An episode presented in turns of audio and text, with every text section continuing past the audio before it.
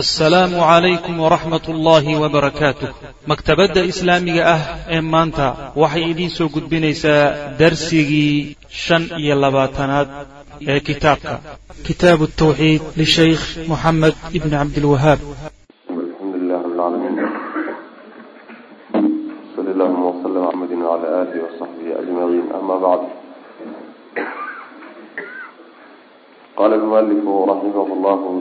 alxamdu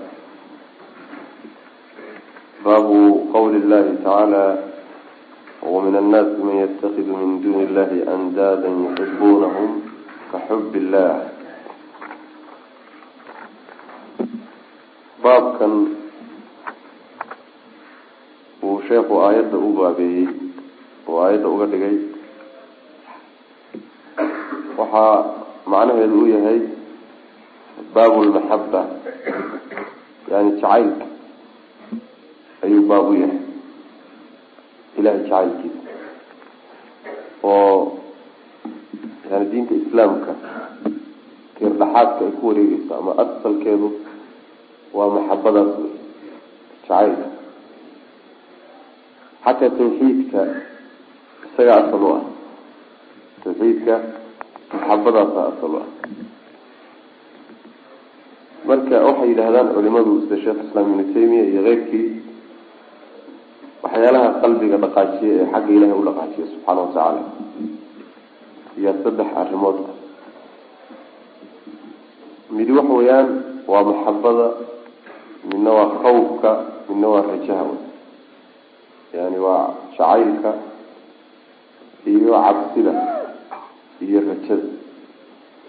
Saddexda arrimood ayaa waxaa la yidhahdaa muxarikaat lquluub waxyaalaha qalbiga riixa oo dhaqaajiya oo xagga ilahay u dhaqaajiya saddexdaa waxaa ugu xoog badan maxabadaa ugu xoog badan. Ayada daatadeedayna maqsuudo u tahay. Labada kaleba waa musaacidaada way way saacideynayaan laakiin ayado daatadeeday maqsuud u tahay. Maxaa ila waxaa kutusaya maxabadu aakharo waa jirtaa oo aakharo marka la tago jacaylka ilaahi subxaana watacaala la jecel yahay ma tirmayso mana baaba-aysa batil ay ahaanaysa laakiin khawfku isagu baaba-aya khawfku dadka muminiinta waa ka baaba-aya marka haday jannada galaan macnaha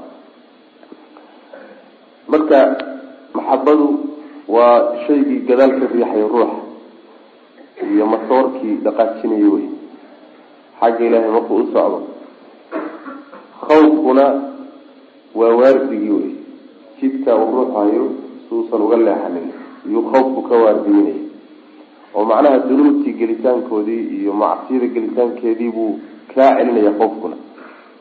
Rajuhuna wuu ku hogaaminaya oo hogaanka hor horu haya saddexdaa wey marka midna gadaal buu ka riixaya waa maxabadii midna wuu ku waardaynahayaayo waa khawfkii. Midna macnaha wuu ku hogaaminaya waa rajadii. Saddexdaasaa kusoyu qalbigu sidiisuba ku socdaa xagga ilahi subxana watacaala ugu socda marka kolba yani inta ay la eg tahay maxabadaadu unbaa iimaankaaguna uu la egyahay. Haddii maxabadaadu ay kaamil tahay iimaankaaguna waa kaamil. Haddii jacaylka ilahi adhaysa uu daciif yahayna iimaankaagu waa daciif. Saas wey macana maxabadu marka dhowr nooc weye nooc waxaa la yidhahdaa maxabatu cibaada oo waa qeybta cibaadado waa jacayl haddana isdullayn iyo weyneyn baa la socota ilahay baad weyneyni subxaana watacaala adiguna waad isdullayn waad isliidi ilan waad liidataay asal ahaan be areebena waad ka tegi maxabada noocaas oo kale maxabatu cibaada la yidhahdaa ilahay keliya iskale cid kale haddii la siiyo shirki bay noqotaa oo diinta lagaga baxaa. Maxabada intaa taa wixii ka soo hadhay daatadeeda cibaado uma ah laakin qaar cibaado noqonaya jira. Masala waxaa ka mid a almaxabatu lilahi wa fillah ilahay dartii inaad wax u jeclaato. Yani cid aan ilaahay ahayn baad jeclaanaysaa. Jacaylka aad jeclaanaysana waxaa kugu bixinayo ilahay dartii baad u jeclaa masalan waxaa soo gelaya halkaas rususha jacaylkoodii dadkan wanaagsan iyo saalixiinta jecl jacaylkooda la jeclaado acmaasha wan wanaagsan iyo diinta jacaylkeedii ilaahay dartii baad u jeclaanaysa waxyaalahaas oo dhan. Qaybtaa dambe qaybtii hore aan soo sheegnay cibaadada ahaa iyay raacsan tahay. Taa unbay macnaha waxa way ku daba xidhanta maxabada qeybteeda kale waxa weyaan qeybta la yihahdo maxabatu ishfaaqin waraxma waa jacayl ruuxan waad jeceshahay. Jacaylkaaguna ma aha inaad caabudayso oo weyneyneyso oo isu duleyneyse ee isagaabaad u turaysaa u naxariisanaysa. Jacaylka waxa kaa keenaya dareen naxariiseed iyo turid aada u turayso macnaha taasina waxaa lagu misaaliyaa sida jacaylka carruurta yararka carruurta la jecel yaho kale iyo dadka liite ee iska danleyda tabarta yar oo kale. Yani jacaylkoodu waa maxabatu ishfaaqin waraxma la yidhahda iyagaa loo turahayaa oo loo naxariisanahaya oo macnaa waxa wey taasaa keenaysa waxaa ka mid a maxabatu ijlaalin wa tacdiim mid la yidhaha maxabo oo qadarin iyo ruuxa qiimeyn iyo waxoogaa ixtiraamid ay ku jirto midaasina waa midda waalidiinta iyo macalimiinta iyo culimada iyo dadka odayaasha iyo loo sameeyo wey ayaduna cibaado maaha cibaado maaha oo macnaha waxa weyaan dadka aada u samaynaysa ma caabudaysid wey macnaha. Midna waa maxabada la yidhahda maxaba abiiciya jacayliska dabiici aho cuntada iyo cabitaanka iyo waxyaalaha dunyawiga a jacaylka la jeclaadana maxaba abiiciya la yidhahda qaybahaa dambe marka qeybta hore iyo qeybta hore cibaadada a mooye qaybahan dambe yani waxa weeyaan waa iska banaan yihiin. Iska banaanin markii haddii la yidhaahdana wax ajiro saasoo laga heli mayso laakin haddii niyo ay la xidhiirsato ruux hadduu ku sameeyo niyo ah niyo cibaada hadduu ku sameeyo. Waxaan ka wadaa macnaha yani ilaahay caabudid aada caabudayso haddaad u samayso arrimaha jacaylka qaybihiisaa kale ajir baa laga hela haddaadan ilaahay darti u samaynin oo iska ay kaa noqotana ajir lagama helo saas way macana macnaha waalidiinta ixtiraamkooda iyo jacaylkooda. Jacaylkaasi haddaad ilaahay kaga amar qaadanayso ajir baa laga hela saas wey cadaabna waa lagaga badbaadaa. Caruurta jacaylka aad jeceshay haddii ilaahay darti ay tahay oo ilaahay subxana watacala aad kaga amar qaadanayso oo halkaas uu ka yimid ajir baa laga helaa iyadan. Sidaasay marka noqonaysa baabu qawli llahi tacaala ilahay odhaadiisa ayuu baabu yahay uu yihi wa min annaasi dadka ayay ka mid yihiin man cid yatakiduu samaysanaya min duuni illahi alla sokadii waxay yeelanayaan andaadan kuwa ay ilaahay la simeen. Kuwaasoo yuxibuunahum ay jecel yihiin ka xubi illaahi siday ilahay u jecel yihiin oo kale. Dadka qaar waxaa ku jira ilaahay kuwa u eg iyagaa u ekeysiinaya ilahay wax og ma jire kuwa ay u ekeysiiyeen oy garab dhigeen ayay samaysanayaan. Waa asnaamtoodii iyo dhagaxyaantii iyo wixii ay caabudayeen wey kuwaasay caabudayaane ilaahay garab dhigeenna waxay u jeclaanayaan siday ilahay u jecel yihiin aayadda yuxibuunahum ka xub illah waladiina aamanuu ashaddu xuban lilah laba tafsiir bay culimada tafsiirku sheegaan. Baan maraynaa macnaheedu waxa weye yuxibuunahum waxay jecel yihiin waxyaalihii ilaahay ay garab dhigeen andaada ahaa ka xub illaahi siday ilaahay u jecel yihiin o kale. Yani ilaahayna way jecel yihiin. Andaadan ilaahay ay la simeen ee makhluuqaadkiisana way jecel yihiin. Laakiin jacaylka ay andaadooda u hayaan yaa wuxuu ka wen yahay jacaylka ilahay uhayaan subxana watacala oo isla iyagii wey macnaha isla iyagii waay waaladiina aamanuu ashadda xuban lilahina waxay noqonaysaa jacaylkooda kuwaas gaaladii ay ilaahay uhayaan waxaa ka weyn jacaylka mu'miniintu ay ilahay uhayaan subxana watacala maxaa yeelay jacaylka mu'miniintu waa mid khaalisa wey oo waxba ku barxanayn koodu laakiin waa mid barxan oo macnaha cid kale jacaylkii baa ku barxan.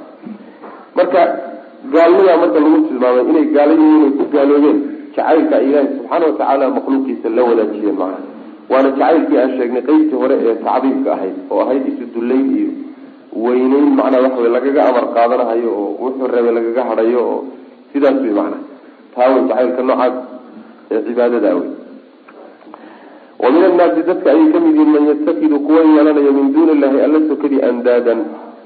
Kuwa ay ilaahay garab dhigeen oo la simeen yuxibuunahum kuwaasu ay jecel yihiin ka xub illah ilahay jacaylkiisa o kale. Yani jacaylka qeybta ilaahay unuu leeyahy ee cibaadada ah. Haddii cid kale la siiyo makhluuqa ah waa lagu gaaloobayaa macnaha oo gaalnimay noqonaysaa islaamka lagaga baxayo. Jacaylkaana waxaa lagu gartaa markhaati buu leeyahay. Jacaylka sidiisaba waxyaalaha lagu murmay ka mid nin walba waa sheeganaya inuu ilahay jecel yahay subxana watacala laakiin markhaati dibadda yaalu leeyahy jacaylku sidiisaba waa camal qalbiga ka dhacaw qalbigu ku qarsoon yahay. Laakiin markhaati dibadda abuu leeyahay xubnaha ka muuqda. Saas daraaddeed baa dadka qaarkii markay yidhaahdeen ilaahay baanu jecelnahay say culimada salafku leeyihiin dad baa waxay yidhaahdeen ilaahay baanu jecelnahay markaasaa ilahi wuxuu soo dejiyey subxana watacaala aayadda la magac baxay aayat lmixna aayadda imtixaanka ee lagu imtixaanay. Waa aayadda wey qul in kuntum tuxibuuna allaha fattabicuunii yuxbibkum allah wayakfir lakum dunuubakum. Haddii aada ilaahay jeceshihiin oy dhab idinka tahay inaad ilaahay jeceshihiin iraaca waa rasuulkiisa salawatullhi wasalaamu caleyh iraaca ku dhe oo diintaan la idin qaata oo jidkaygii mara. Natiijadu maxay noqonaysaa natiijadu waxay noqonaysaa ilahay baa idin jeclaani saas wey marka waxaa la sheegay calaamada lagu garto ilaahay jacaylkiisa addoonkan inuu ilahay jecelya sharcigiisu raaca. Oo nebi maxamed buu raacaa salawatullahi wasalaamu caleyh axaadiistiisi iyo sunadiisii buu ku dhaqmaa. Midhihina midhaha laga gurtana waxa weye jacaylkaas ilahay baa ku jeclaanaya. Yaxbibkum allah ilahay baa ku jeclaano. Kuu dambi dhaaf. Aayad kale ilaa ilahay wuxuu ilaahay ku sheegay ilaa afar calaamaa lagu sheegay oo lagu garto jacaylka ilahay aayadda ya ayuha aladiina aamanuu man yartada minkum can diinihi fasawfa yati llahu biqawmin yuxibuhum wayuxibuuna adilatin cala lmu'miniin acizatin cala lkafiriin yujaahiduuna fi sabiili illah walaa yakhaafuuna lawmata laa-im afar sifaa lagu sheegay ta koowaad waxa weeyaan dadka mu'miniinta ah bay u dabacsan yihiin way u naxariisanayaan way u nugul yihiin dhexdooda macnaha ruux mu'mina kuma ay kakana oo kuma ad adka e way u nugul yihiin. Waa ta koowaad gaaladana way ku aada adag yihiin. Waa midda labaad.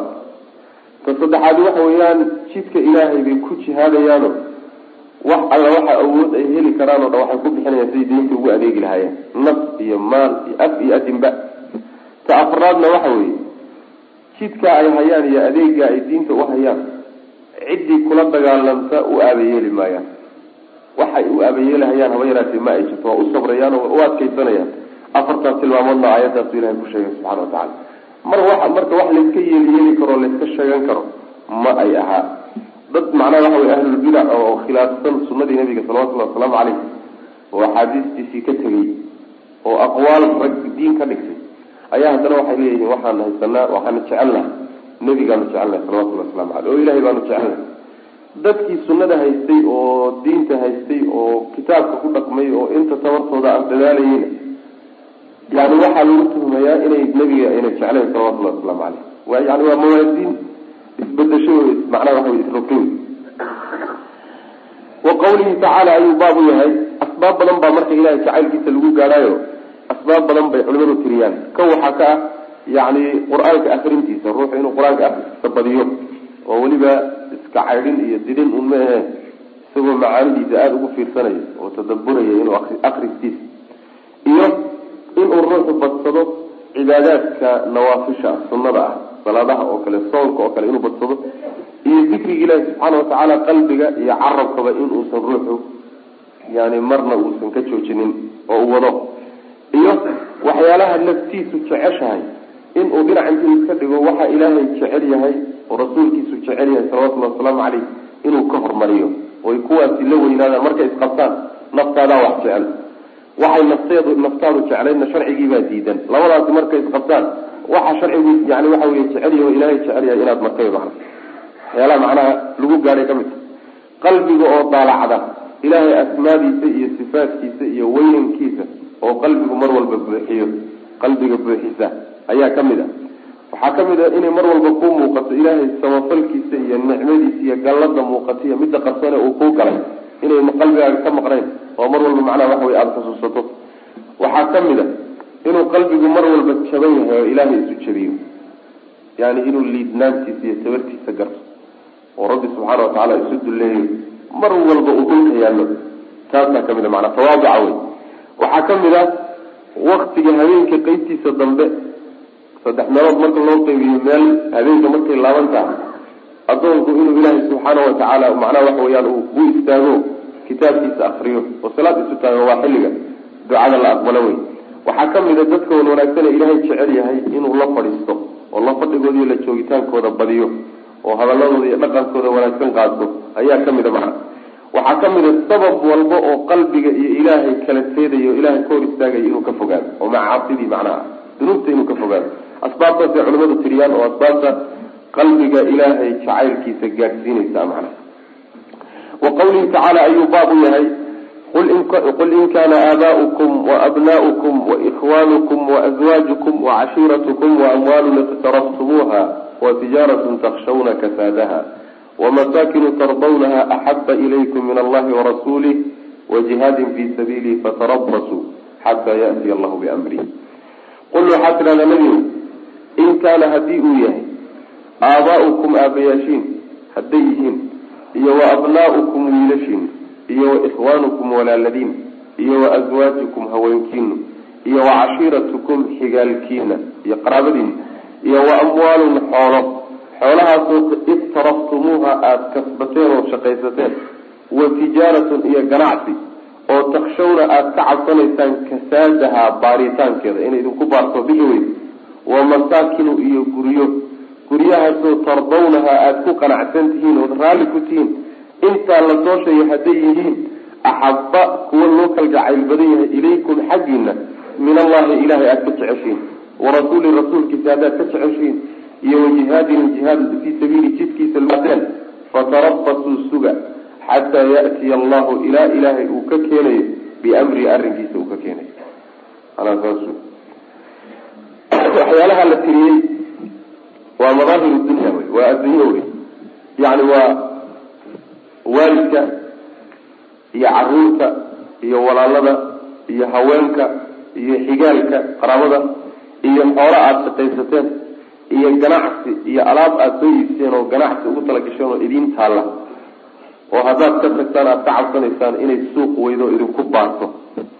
Iyo guryo aada dhisateen oo macnaha waxa weeyaan aada ku qanacsantihin oo raalli kutiin oo naftihin naftiina ku deganta intaas oo hawlo adduunye ah haddaad ilaahay ka jeceshiin oo rasuulkiisa ka jeceshiin oo jihaad jidka ilahay lagu jihaado in aada ka jeclaysateen ood ka doorateen alle uu sugayo markaas waxbuu ilaahay soo wadaayo waxa ilaahay soo wado unbaad markaa ka war sugaysaa maanaa waa hadal goodi ah waxa ilaahay soo wado waa ciqaabtiisa wey cadaab baa idinku soo maqan oo dhexda ku soo jira qaabu noqon doona la garan maayo laakiin waxaa laysugu goodinayo un yani intadiruu maa yaxilu bikum min ciqaabihi cadaab ilaahay baa idinku degi doonaya ciqaabtiisa taa uu sugayo maana marka yani waxaa la diidan yahay in ilaahay subxaana watacaala diintiisii iyo sharcigiisa u adeegidiisii ku dhaqankiisa marka hore marka dambena shaqayntiisii u adeegidiisa in adduunyo looga tago oo adduunyo laga jeclaado oo adduunyo laga hormariyo taa wey midda laga dagaalamayo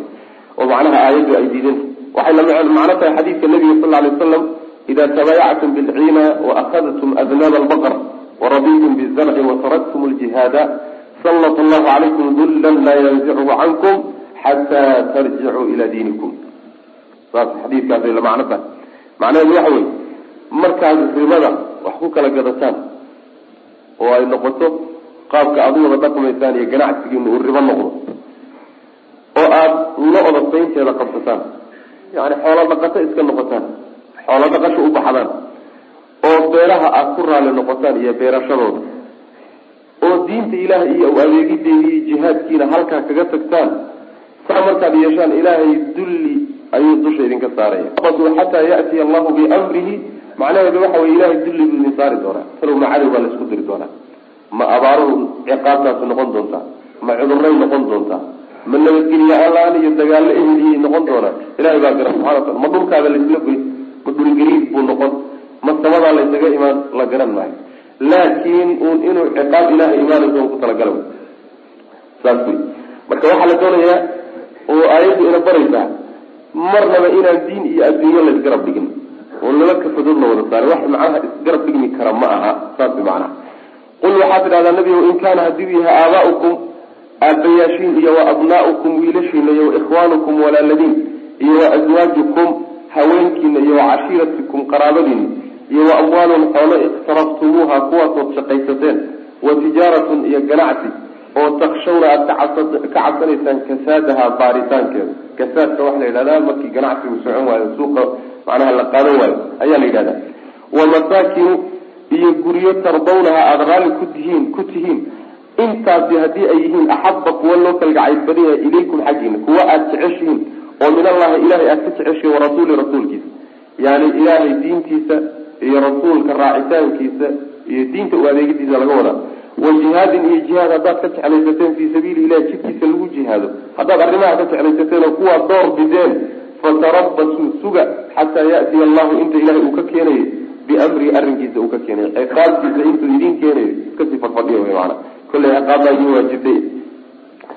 Marka waa midda ila haysata wey macana can anasin ana rasuula lah sal lay slam anas waxaa laga warinayaa in rasuulku qaala uu yihi laa yu'minu ma uusan rumaynin axadukum midkiin xataa akuuna ilaa aan ka noqdo.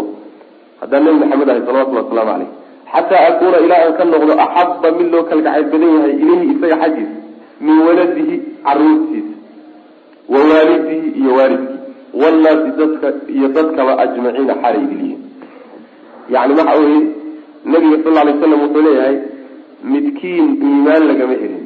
Iimaanka laga hadlayo waa kamaalu liimaan iimaan buuxa.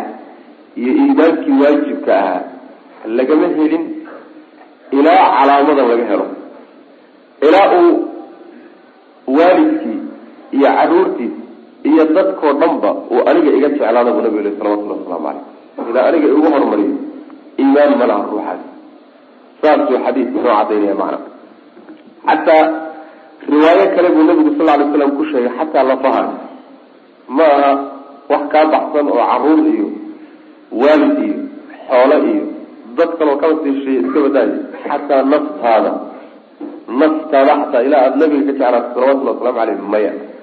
Maxaa yeelay nabigu sal lay slam cumar ibn khataab radi allahu canhu ayaa wuxuu yihi rasuul ilaahay yani nabigu xadiidkan markuu sheegay ayaa cumar baa wuxuu yihi la anta axabu ilaya min kuli shayin ila min nafsi. Wax walba ayaan kaa jeclahay bui nebiyow ilaa naftayda mooyaane. Naftayda ida naftayda waxaan ka jeclahay ma jiro. Laakiin naftayda wixii ka soo haray adaan kugu jeclaay wey. Markaasaa nabigu wuxuu yihi salawatullahi wasalaamu aleyh waladii nafsii biyadihi. Yani waxa waladii nafsii biyadihi xataa akuna axaba ilayka min nafsika.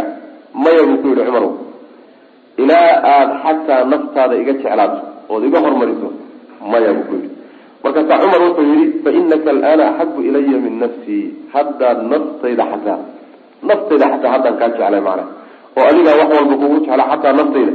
Markaasaa nabigu wuxu uri sal alay slam hadda wey cumar hadda wey macnaa hadduu iimaankaagu dhamaystiran yahay wey saas wey marka jacaylka nabiga la jecel yahay salawatullhi wasalaamu caleyh yani isaga waxaa loo jeclaanaya rasuulka salawatullahi wasalaamu caleyhi oo jacaylkiisu waajib u yahay yani waa rukni arkaanta diinta ka mid a waana kelimatu tawxiid. Laa ilaha ila allahu muxamadun rasuulullah muxamedun rasullahi bay manaha yaa kutusaysa halkaasay macnaha faa-iideynayso. Jacaylkiisu waa waajib wey waxaan u jeclaanaynaa waa marka koowaad horta waa rasuul ilaahay soo dirsaday subxaana watacaala ilaahay baa soo dirsaday. Waa midda labaade cibaado ilaahay iyo risaaladii rabbi ayuu gutay oo waxa ilahay jecelaya subxaana watacaala waxii ugu weynaa ayuu nabigu gutay salawatullahi wasalaamu caleyh taana waa u jeclaanayna. Waa midda saddexaade waxa weeyaan akhlaaq wanaagsan oo dhan ayaa ku idlayd ummadana uu keenay. Waa midda afraade waxa weeyaan hanuunkeenna iyo waxbarashadeena iyo wax kala ogaanshaheennaba isagaa sabab u ahaa salawatullahi wasalaamu caleyh marka intaasoo dhan iyo in ka badanba ayaa loo jeclaan. Jacaylkiisu marka waxa weye lafihiisana waa la jeclaan ta labaadna waxa weeyaan jacaylkiisa wuxuu laasimsanayaa in la raaco sunadiisa salawatullahi wasalaamu caleyh oo jidkiisa la fidiyo oo jidadka ka soo horjeeda iyo bidaca lala dagaalamo oo wax walba lagu bixiyo.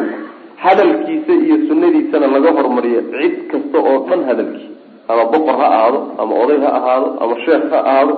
Hadal nebiba haddii la sheego salawatullahi wasalaamu caleyh waa inuu kaala qiimaysan yahay oo kaala horeeyo hadal kaloo dhan iyo dhaqan kale iyo akhlaaq kaloo dhan inuu kaala horeeyo wy kaas ta labaadna waa inaad diinkii u adeegto uu la yimid nabigu salawatullahi wasalaamu caleyh oo u khidmayso. Taasaa macnaha laasimsanaysa laa yuminu ma rumayn min waladihi ilmihiisa iyo wawaalidihi waalidkii iyo wannaasi dadka ajmaciina ayagoo ililba akrajaahu muslim iyo bukhaari baa xadiidkaas soo saaray. Walahumaa waxaa usugnaaday muslim iyo bukhaari canhu anasna weliba ay ka warinayaan qaala inuu yihi qaala rasul lah sal ly slam rasuulku wuxuu yihi halaatun saddex arrimood. Man kunna ciday ahaadaan fiihi dhexdiisa saddex arrimood ninkii dhexdiisa laga helo. Wajada wuxuu helayaa bihina saddexdaa arrimood dartood wuxuu ku helayaa xalaawat aliimaan iimaanka macaankiisa iimaankuu dhadhansan. Saddexda arrimood maxay yihiin ta waxa wey an yakuuna waa inuu ahaado allahu alle iyo warasuuluhu rasuulkiisu. Axabba kuwa loo kalgacayl badan yahay ilayhi xaggiisa mimaa shay siwaahuma ayaga ka soo haray. Ilaah iyo rasuulkiisa waa inuu wax walba ka jecel yahay. Oy kala horeeyaan oo kala qiimo badan yihiin. Wa an yuxiba waa inuu jeclaado waa midii labaad. Wa an yuxiba waa inuu jeclaado almara ruuxa cidduu jeclaanayo waa inuu jeclaado waa inuu jeclaado. Laa yuxibuhu isagoo aan jeclaanayn ila lilahi ilahay dartii mooyaane. Ilahay daraadii mooye wax kale oo uu jeclaanayo ma jiro cidduu jeclaanayo. Ta saddexaadna waxa wey waa an yakraha waa inuu necbaado an yacuuda inuu laabto fi lkufri gaalnimo inuu dib ugu noqdo.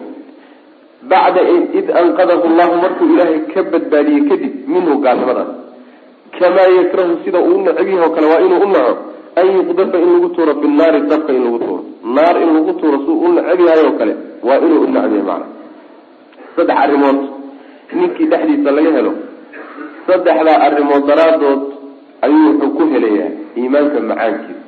Iimaanka macaankiisa waxaa laga wadaa ibni aadamka qaar ka mid oo dadka mu'miniinta weliba iimaankoodu kaamilka yahay waxa ay qalbigooda iyo naftooda ka helayaan oo ah macnaha xasiloonida iyo raaxada iyo deganaanshaha iyo inshiraaxa iyo faraxa mar walba qalbigooda ku jira kaasaa laga wadaa. Waxaa ka laazimaya oo ka dhalanaya deganaanshaha qalbiga ku dhalanaya daacada ilaahi subxaana watacala inay kuu macaanaato. Inay daacadu kuu macaanaato oo cibaadaadku kuu macaanaadaan oodan ka caajisin taasaa ka dhalanaysa macaanku kaw wax carab lagu dhadhamiya maha laakin qalbigaa laga dhadhamiya qalbigaa dareemaya macaanka macnaha iimaanka. Sidaas weyaan saddexdaa arrimood maxay yihiin? Midda koobaad waxa weye ilaah iyo rasuulkiisa ayuu wuxuu ka jecel yahay. Cid walba waa inuu ka jeclaado waa inuu ka hormariyo. Waa in sharciga ilaahay oo kitaabka qur'aanka u horeeyo uu wax walba kala horeeyo sunada nabiga salawatullahi wasalaamu caleyh waa inay wax walba kaala horeyso saas weye kaasi waa midda koobaad ta labaadna waxa weye ciddii uu jeclaanayo ee makhluuq ah waa inuu ilahay dartii u jeclaado yani waxyaalo badan baa laysu jeclaadaa adduunye daraaddeed waa laysu jeclaadayo waxoogaa dheef yaad ruuxa ku qabtaa ama ka sugaysaa qaraabtinimo iyo xigaal idinka dhexeeya waa laysu jeclaadaa. Saaxiibtinimada waa laysu jeclaadaa. Waxoogaa macnaha yani istimtaac aada haweenayda ku qabto waa loo jeclaadaa oo iyadana adduunyadaisu hoosgeli ixsaan iyo samafal laguu sameeyo ruux kuu sameeyo waa loo jeclaadaa adduunka wax badan baa laysu jeclaadaa intaasoo dhan marka waxa u jeclaanay ciddaad jeclaanaysa ha miisaanku ha noqdo ilaahay dartii baanu jeclaa. Ilaahay baa jecel. Waa dad ilaah. Diinta ilahay wuu ku fiican yahay. Diinta ilahay wuu u adeegaa. Waa nin culimo ah. Waa nin caabid oo cibaadaysta. Waa nin xumaanta ka taga. Waa nin wanaag ka shaqeeya. Sifaadkaasaad ku jeclaan. Laakiin waxyaalaha kale oo dhan ee laysu jeclaanayo taas macnaha wey ruuxu inuu ka gudbo wey maxaa yeele waa meela hoose wey meela hoose wey ta kaleetana waxa wey yacni waa inuu necbaysto inuu gaalnimo dib ugu laabto markuu ilaahay ka soo badbaadiyo kadib siduu u necab yahay in naar lagu tuuro. Macnaha mabaadi'da baatilka ah waa inuu necbaado oo uu la dagaalamo oo uu qalbigana ka naco ad af iyo adinna kala dagaalamo. Mabaadi'da baatilka waa wixii diinta islaamka ka soo haray. Wey bidca ha noqoto ama mabaadi kufriya oo gaalnimo keenaysa ha noqoto waa inuu la dagaalamo. Oy u sinaato in la yidhaahda maanta gaalnimo gal ama mabdaa baatil a qaado oo islaamka aan ahayn iyo dab ha lagugu tuuro dab ololahayo yani kacaya meesha ha lagugu rido labadaasi waa inay usinaadaan saas way macnaha marka waa jacayl ilaahay jacaylka waxaa ka laazimaya in aad daacadiisa jeclaato oo aada diinkiisa jeclaato. Waxaa ka laazimaya midaana dadka diintaa haysta inaad jeclaato oo aad iyaga macnaha ka dhigato ehel iyo dad ka dhigato. Waxaa middaa ka laazimaya mabaadidii baatilka inaad nacdo. Waxaa ka laazimaya mabaadi'daa baatilkii dadkii haystayna inaad la nacdo. Saas way macnaha.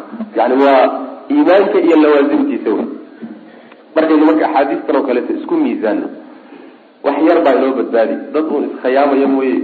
Inaynu dee lafaheena sirayno waa meesheed. Oo meel aynaan gaadhsiinayn isgaadhsiinayn laakiin miisaan dab a markaan isa saarno. Waxaan soo baxaynaa sifir. Yani ziraan soo baxaynaa walaa shaka fi dalik marka hala dadaalo. Salaatun saddex arrimood man kunna ciddii ay yihiin fiihi dhexdiisa wajada wuxuu helayaa bihina arrimaha daraadood saddexda. Ah xalaawat aliimaani iimaanka macaankiisuu ku helaya. Iimaankaa u dhadhamiyo iimaankii qalbigiisaa degi. Talabaadna xulmihiisa iyo yani lugihiisa iyo yani afkiisa iyo adinkiisa waxay u adeegayaan ilahay diintiisa midda koowaad waxa wey an yakuuna allahu alla waa inuu yahay iyo rasuulu rasuulkiisu axaba kuwa loo kala jacayl badan yahay ilayhi isaga mima siwaahuma. Wixii ka soo haray labadooda waa inuu ka jeclaado. Wa an yuxiba waa inuu jeclaado. Almara ruuxa waa inuu jeclaado. Ciduu jeclaanayaba ha noqotee laa yuxibu xaalo uusan jeclaanayn ila lilahi ilahay daraadi mooy cid wax kale uusan u jeclaanayn. Wax kale idinkama dhexeeyo. Calaqada isku kin xidhaysa waa calaqa iimaan wey iimaan iyo islaamnimo ayaa isku kin xidhi. Wa an yukraha waa inuu necbayso an yacuuda inuu laabto fi lkufri gaalnimo. Kani waxay ka hadlaysaa ruuxii mar hore gaal ahaan jiray oo ilahay gaalnimada ka soo saaray. Waxaa lamida ruuxii islaamnimo ku dhashay oo islaamnimo ku barbaaray. Inuu gaalnimo ku laabto ridoobo waa inuu necab yahay. Aad buu necab yahay macana wa an yakraha waa inuu necbaysto. An yacuuda inuu laabto fi lkufri gaalnimo inuu ku laabto. Bacda id anqadahu llahu markuu ilaahay ka badbaadiyey kadib minhu gaalnimada. Kamaa yakrahu sida uu u necab an yuqdafa in lagu tuuro binnaari naarta in lagu tuuro. Saas wey wafii riwaayatin riwaayo kale waxay ahayd laa yajidu ma helo axadun ruux xalaawata aliimaani iimaanka macaankiisa ma helo xataa saas wey maana macnaheedu waxa weyaan riwaayadana sii cad oo iimaanka macaankiisiibaa ka maqan ayay ku caddahay macnaha xadiidkii hore uun riwaayaadkiisa mid kamida wey. Wa can ibni cabaasin waxaa laga warinaya radia allahu canhu radia allahu canhuma waxa uu warinayaa nabiga ka warinaya inuu nabigu uri sal ly slam man axaba ciddii jeclaysato ciddii jeclaata oo makhluuqa jeclaada fillahi ilaahay dartii u jeclaada oo wa abqada naca fillah. Wuxuu nacayana ilaahay dartii u naca. Oo wawaala xidhiidiyo cidduu xidhiidinayo fillahi ilaahay dartii ku xidhiidiyo oo wacaada la collaytamoo ka fogaada fillahi ilaahay dartii ula collaytamo cidduu la collaytamayana. Fa inamaa tunaalu waa la gaadhaa wilaayat llah ilaahay wilaayadiisa iyo jacaylkiisa iyo gargaarkiisa waxaa lagu gaadhaa. Bidalika arrinkaasaa lagu gaadhaa. Walan yajida ma uu helayo cabdun adoonna bacma aliimaani iimaanka dhadhankiisa ma uu helayo. Wa in katurad haba badato salaatuhu salaadiisa wa sawmuhu iyo soonkiisu haba bato. Xataa yakuuna ilaa uu ka noqdo kadalika sidaas ruuxna iimaanka macaankiisa iyo dhadhankiisa ma helayo. Si kasta hadduu salaad iyo soomka u cibaadadiisa u badato ilaa mabda'aasi u saxmo mabda lwalaa walbara waqad saarat waxay noqotay buu leeyahay cabdullahi bni cabbaas caamatu mu'aakhaati nnaas. Dadka walaaltinimada ka dhaxaysaaye inteeda badan waxay noqotay calaa amri dunya addunyo arrinkeed ayay ku dul dhisantahay yani waxa laysku xadhiidhinayo laysku fogeyn ee lagu coleytamiyo laysku jeclaan adduunyay noqotay buu leeyahay. Wadalika arrinkaasina laa yujdi wax u tari maayo calaa ahlihi dadkiisa shay-a waxba u tari maayo nin waxoogaa dhaqaalaha idin dhex mareen inta dantaa adduunyo uun idin dhex taallo unbay uun xidhiirkiinu yaallaan hadduu go-ana bas wey laakiin kan ilaahay dartii aada isu jeclaateen midho adduunyana waa leeyahay midho aakharana waa leeyahay saas maanaa marna ma dhamaado marka rawaha waxa weye xadiidka isaga ibnu jariir baa weriy xadiidku marka waa xadiid daciif ah sanadkiisu waa daciif waa asar cabdullahi ibn cabaas laga warinayo ibnu mubarak baa kitaabkiisa zuhdiga ku wariyey sanadka xadiidkaasi wuxuu ku wareegeysanayaa nin la yidhahdo layth ibn abi sulaym oo la yaqaano oo daciif ah ayuu ku wareegeysanaya saas daraadeed asarku waa daciif. Cabdullahi ibn cabaas mawqif mawquufa ku ahaade sidaas laakiin macnaha asarka intiisa badan axaadiis marfuuca kutusay oo mabdaa la yidhaahdo yani mabdaa miisaanka wax lagu fogeynayo wax lagu dhaweynayo wax loogu hiilinayo wax lagaga tegahayo lagaga fogaanayo lagu soo dhaweynaya inuu ilaahay dartii noqdo. Arrintaa iyada ah nusuus badan oo qur'aan iyo axaadiis labaa kutusaya waana qeyb tawxiidka ka mid a qeyb tawxiidka ka mid a waxaa ka mid a axaadiista macnaha kutusaya yani nabiga sal la alay waslam xadiis saxiixa oo uu ku xadiis xasana wax loo jeclaaday ilahay dartii wax loo naco. Ilan iimaanku waa guntimo waa qaybo badan qaybaha ugu adag waxa weye miisaankaad wax ku jeclaane wax ku necmaani reer iyo masaalix adduunye iyo dana adduunyaysan noqonin ilahay dartii ha noqdo. Saas wey waaba arrinta maqan wey totalba waxa weeyaan maanta adduunka jooga waa ka maqan. Maalinkii cabdullahi bni cabaas ba hadduu leeyahay maanta adduunyaa la isku jeclaaday oo qarnigii macnaha taqriiban koobaad ah ee quruun mufadal ah. Maanta oo macnaha caalamulmaada aan joogno maxaad moodaa caalam dunya aan joogno oo qulubtii adduunya qabsatay oo noloshoo dhan adduunya haysato. Maxaad umalanaysaa marka?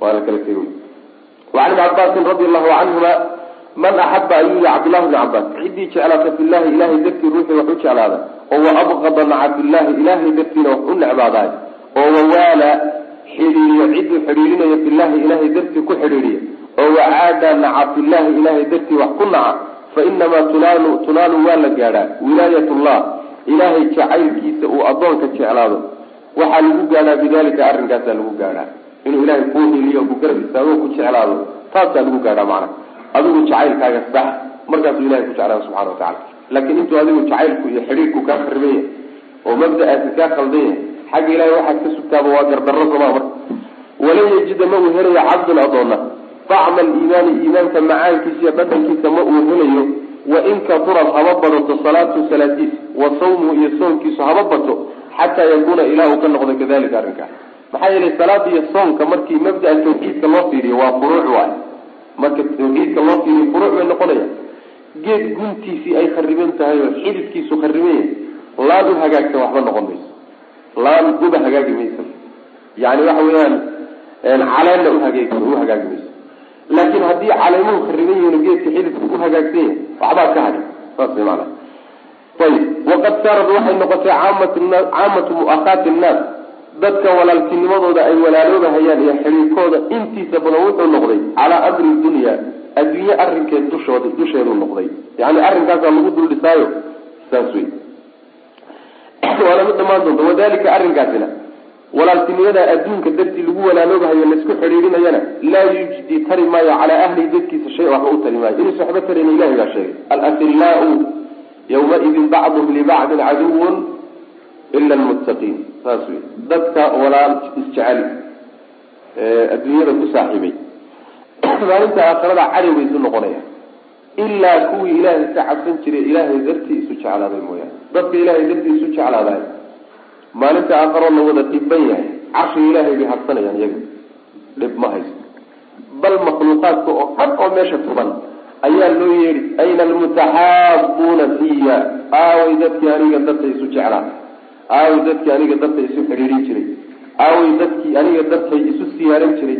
Aaway dadkii aniga dartay isu wada fadhiisan jiray. Maanta ayaan fadilaya markaasaa makhluuqaadkao dhan oo taagan. Yaa hortooda la keenaya markaasuu ilaahi subxaana watacaala meel uu garan geysan macna. Marka waa manzilo aada u sarraysa wey waxa laysugu boorinayo waa manzilo aada u sarraysa wa qaala ibni cabaas cabdullahi ibni cabaas wuxuu yihi fii qawlihi tacaala ilaahay qowlkiisa markuu fasirayay wataqatacat bihim lasbaab aayadda markuu fasirayay ayaa qaala cabdullahi wuxuu yihi almawadatu ayaa laga wadaa wataqatacat waxaa googo-aysa bihim iyaga dadkii xidhiiri jira adduunka ku xidhiiri jira waxaa ka googo-aysa alasbaabu xarkihii isku xidhi jiray. Asbaabta waxaa laga wadaa shay walba oo wax lagu gaadho. Laba shay isku xidha. Yaa sabab la yidhaahda. Marka sababka ka dhexeeya adduunka hadduu qaraabtinimo ahaa aakhare waa go'aya.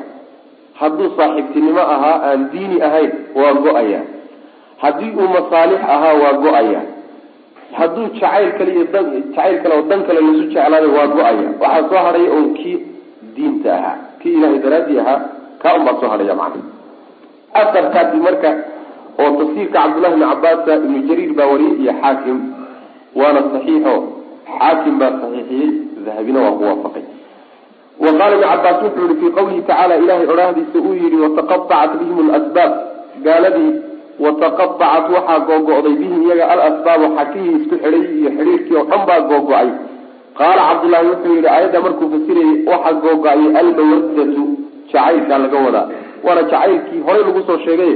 Aayadii macnaha aayadda qaybteeda hore ka soo hadashay waa jacaylka shirkiga wey jacaylka shirkiga ka dhexeeyey wa min annaasi man yatakidu min duuni illahi andaadan yuxibuunahum ka xub illah waladiina aamanuu ashaddu xuban lilah walaw yara aladiina dalamuu id yarawna alcadaaba. Ana alquwata lilahi jamica waana allaha shadiid lcadaab id tabara'a aladina itubicuu min aladina itabacuu wara'w alcadaaba wataqatacat bihim lasbaab saas macana yani maxabadii iyo mawadadii aayadda hore soo sheegtay taa way midda go'aysa macna. Ee midii ilaahay dartii ahayd iyadu ma go'ayso waataan aayadeeda soo sheegnay oo iyadu macnaha bar wax weyn baa lagu heli darajo sara lagu gaadhay fiihi masaa'il baabkan masaa-il dhowraa ku jirta alula masalada koobaad waxa wey tafsiru aayati lbaqara aayadda suurat lbaqara ku soo arortay oo loo fasiro. Waa aayaddii uu baabku ku bilaabay sheekh. Wa min annaasi man yattakidu min duni illah athaaniyatu masalada labaad waxa wey tafsiru aayati bara aayadda suurat lbara ku soo aroortay oo la fasiro. Oo waa si iyadana ahay kul maaukum wa abnaaukum athaalithatu midda saddexaadi waxa wey wujubu maxabatihi halkaa waxaa fiican in la soo geliyo wujubu taqdiimi maxabatihi wujubu taqdiimi maxabatihi jacaylkiisa nabiga jacaylkiisa salawatullhi waslamu caleyh oo laga hormariyo waajibnimadeeda cala nafsi nafta jacaylkeeda laga hormariyo. Walahli iyo reerka walmaali iyo xoolaha. Oo iyadana xadiidkii anas ayaa kutusiyay alraabicatu masalada afraad waxa wey nafyu liimaani iimaankii oo loo diido. Nafyu liimaani iimaanka oo la diido. Iimaanka la leeyahay ruuxan jacaylkaas nabiga jeclaani iimaan ma laha. Marka la leeyahay laa yadullu kuma tusayo iimaankaa la anfiyey. Cala alkhuruuji bixitaan min alislaami islaamnimada laga baxay. Saas maana yani waxaa kutusaya leeyihi xalaawa. Xalaawadu waa shay iimaanka asalkiisa zaa-idkaa bay leeyihi nafyigan la leeyahay laa yuminu axadukumna yani waa nafyu kamaali liimaan waay. Iimaankaa darajaad. Iimaanku waa darajaad. Qayb asal oo wuxuu leeyahay iyagu gundhig aho unug hoose ah oo la'aanshaheed ruuxu uusan muslima noqon karin sidaa daraaddeed ruux kastoo muslima intuu dooniba hala ekaada iimaankiisu y jacayl ilahay waxun baa kaga jira. Jacaylka rasuulka sal lay slam waxun baa kaga jira. Intay dooniba haba gaadsiisnaato ayib marka waxaa laga wadaa yacni haddii la yidhaha iimaankaas la leeyahay ilaa aada naftaada iga jeclaato cumarow oo reerkaaga iyo ehelkaaga aada iga jeclaato iimaan malihid la leeyahay waa iimaanka qaybihiisii sare ee waajibka ahayd baa la anfinaya ee macnaheedu ma aha ninkii reerkiisa iga doortahay oo reerkiisa macnaha jeclaadaay oo macnaha waxa weyaan adduunyadaasi marmarka qaarkood ay la simbiraxato oo diintii ka jeclaystaay inuu islaamnimada ka baxay. Saas maaha macnaha. Macnahaasu macnaha faa-iideynaya oo inaan loo fahmin inuu ruuxii gaaloobay oo islaamkiisiba baaba-ay laakiin waxa weeye iimaankii wax weyn baa ka maqan oo iimaankii ka mid a laga wada alkhaamisatu maslada shanaad waxa weye ana liliimaani iimaanka waxaa usugnaaday xalaawatan macaan iimaanku macaan iyo dhadhan buu leey qad yajiduha alinsaanu insaanku inuu dareemaa laga yaabaa oo uu helo. Waqad laa yajiduha inuusan helinna waa laga yaaba ficlan waa dareemi. Yani ruuxu markuu xoogaa bil ama laba bilood markuu ruuxu nashaad cibaadada uleeyahy bisha aada nashaadkii cibaadada uleedahay cibaadadu macaan baa dareemi. Dhadhan bay dhadhan bay leedahay. Dhadhan bay leedahay. Qalbigooga qalbigaaguna xasilooni iyo raaxiya deganaansho gooni ah yaa dareemi waxoogaa maalmaha laakiin adduunyadu kula fakatood suuqa ku fakato oo waxoogaa cibaadaadkaagu yaraadaan walbahaarkaagaa badan. Oo qalbigii deganaanshihiibuu ka tegi oo qur'aanka afrikiisa kuu dhadhami maayo haddaad toban daqiiqo fadhido war meesha iskaga kaco macnaha bool waxbaa kugu soo degi kaanaka waxaad moodaysa inaad saacado fadhiday marka waxa weeye macaankaasi dadka qaarkiibaa dareemi mararka qaarkoodna waa dareemi marna maba dareemaysid. Saas maana ilan dareenku wuxuu ku yimaadaa shayga wax dareemaya inuu dareemayaashii ku yaallaan haddii qalbigu uu meyd noqdo oo uu ingego qallafo waxba ma dareemayo. Xubinku markuu ingego oo shalal intuu ku dhaco gacantaasoo kaleeto masalan ay ingegto si kasta haddii loo garaacayo ma dareemayo. Sosaasma qalbiguna saasoo kale waa qalbigu hadduu dareenka iimaanku ka tago wax kasta oo nabaroo ku dhacayo ma dareemayo. Wax kasta oo macaanana u dhadhami maayo khadhaadhna u dhadhami maayo. Macsiyadii iyo iyo iyo daacadiina u sinaanay laakiin markuu noloshiisa soo ceshado oo uu nool yahay wixii macaanaa ee daaco ahaana waa u dhadhamaya wixii khadhaadhaa ee macsiyo ahaana khadhaadhkeeda u dhadhamaya maana saas wey asaadisatu masalada lixaadi waxa weye acmaalu lqalbi alarbaca. Qalbiga acmaashiisii afarta ahayd. Allatii afarta arrimoodo laa tulaanu aan la gaadhayno wilaayatullahi ilaahay wilaayadiisii jacaylkiisa ilaa biha iyada mooye aan lagu gaadhayn oo walaa yajidu uusan helaynin axadun ruuxna. Dacma aliimaani iimaanka dhadhankiisa ilaa biha afartaa mooyaane. Afarta acmaasha qalbiga waa afarkii ku soo aroortay asarka cabdullahi bni cabaas asarka cabdullahi bni cabaas oo macnaha waxa weeyaan ilahay dartii wax loo jeclaado ilahay dartii wax loo naco ilahay dartii wax loo xidhiidiyo ilahay dartii wax loola coloobo afartaa wey maana acmaal wa asaabicatu masalada toddobaad waxa weye fahmu saxaabiyi ninka saxaabigaas sida uu u fahmay lilwaaqici wixii jiray si u fahmay oo maxay tahay ana caamata almu'akhaat walaaltinimada inteeda badani calaa amri dunya adduunye arrinkeed inay ku dul dhisantay ah. Yani waa cabdullahi bni cabbaas. Waaqicii markaa jiray sida uu u fahmay u gartay macna. Maantana waaba ka sii daran tahay athaaminatu midda sideedaadi waxa way masalada sideedaad. Tafsiru qawlihi tacaala wataqaaca bihim lasbaab aayadaasoo la fasiro. Oo asbaabta lowada lagu fasiro. Macnaha cabdullahi bn cabbaas waa tii aan ku soo marnay ataasicatu masalada sagaalaadi waxa weeye ana min almushrikiina gaalada waxaa ka mid a man yuxibu qolo jecel allaha ilaah xuban jacayl shadiidan oo daran gaalada qaar ilahay aada u jecel baa ku jira cajiib xagee ku aragnay taas maxaa kutusay wa min annaasi man yattakidu min duni illahi andaadan yuxibunahum ka xub illah waladiina aamanuu ashaddu xiban lilah yani gaaladu ilaahay jacayl daran bay jecel yihiin. Waxaa kutusaya jacaylkoodii darnaa ee ilaahay jeclayeen iyo jacayl daran oo ka mu'miniintu ilaahay ay jecel yihiin baa ka sita ka gaalada ilahay jecel yihiin marka jacayl daran ba ilahay jecel yihiin ha jeclaadeena jacaylka ilaahay jeclaayeen waxba ma tarin. Muxuu wax u tari waayey? Waa jacayl aan khaalis ahayn jacayl aan barx lahayn waay. Waxbaa ku barxan oo waxyaalo kale jecel yihiin oo ku garab wadaan taasaa keentay jacaylkooda inuu cadaab mooyaane wax baa ilah uusan u soo hoyeynin macna. Muslimiinta se ay ku intifaacaan jacaylka ilah jecel yihiin subxana watacala saas. Alcaashiratu masalada tobnaadi waxa weye alwaciidu goodiga calaa man cid dushii in loo goodiyo. Ciddaasoo kaanad ay ahaatay athamaaniyatu sideedii arrimood ee aayaddu sheegtay axaba kuwa loo kalgacaylbadaya ilayhi isaga xaggiisa min diinihi ilahay diintiisa ka jeclay. Ruuxii sideedii arrimooda aayaddu sheegtay ilaahay diintiisa ka jeclaysta oo loo hanjabo.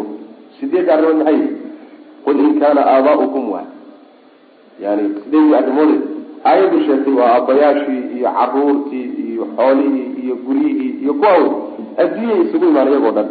Cashar alxaadiyata casharata mas'alada kow iyo tobnaadi waxa weeye ana man ittakhada ciddii samaysta niddan cid uu ilaahay garab dhigahayo ku garab wado oo uu kala mid dhigayo ruuxii samaysta nidigaasoo tusaawi ay la siman tahay maxabatuhu jacaylkiisu maxabat allahi ilahay jacaylkiisa ay la siman tahay.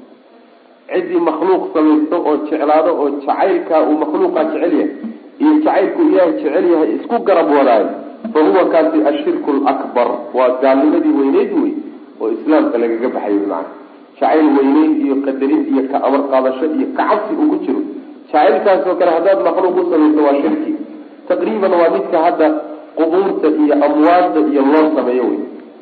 Awliyada iyo loo sameeyo. Taqriiban meel kasta uu ruuxu jooga qalbigiisa waxaa ku jira waa lagu arkaa oo waa lagu daalacanaya oo yani waxa wey waxbaa lagu soo wada. Rajo noocaasoo kalena waa ku jirtaa cabsina waa ku jirtaa weyneynna waa ku jirtaa waa jacaylka noocaas oo kale kaasoo kale marka gaalnimu keenaayo kii ilaahay lahaa ee cibaadada ah oo cid kale lala siiyo wey macana hada wabilahi tawfiiq. Sala allahuma wasalam calaa nabiyina muxamedin wala alihi wasaxbi wasalam walaalayaal darsigaani halkaas ayuu ku eg yahay. Allah tabaaraka wa tacaala waxaan ka baryaynaa inuu nagu anfaco. Assalaamu calaykum waraxmat ullaahi wa barakaatuh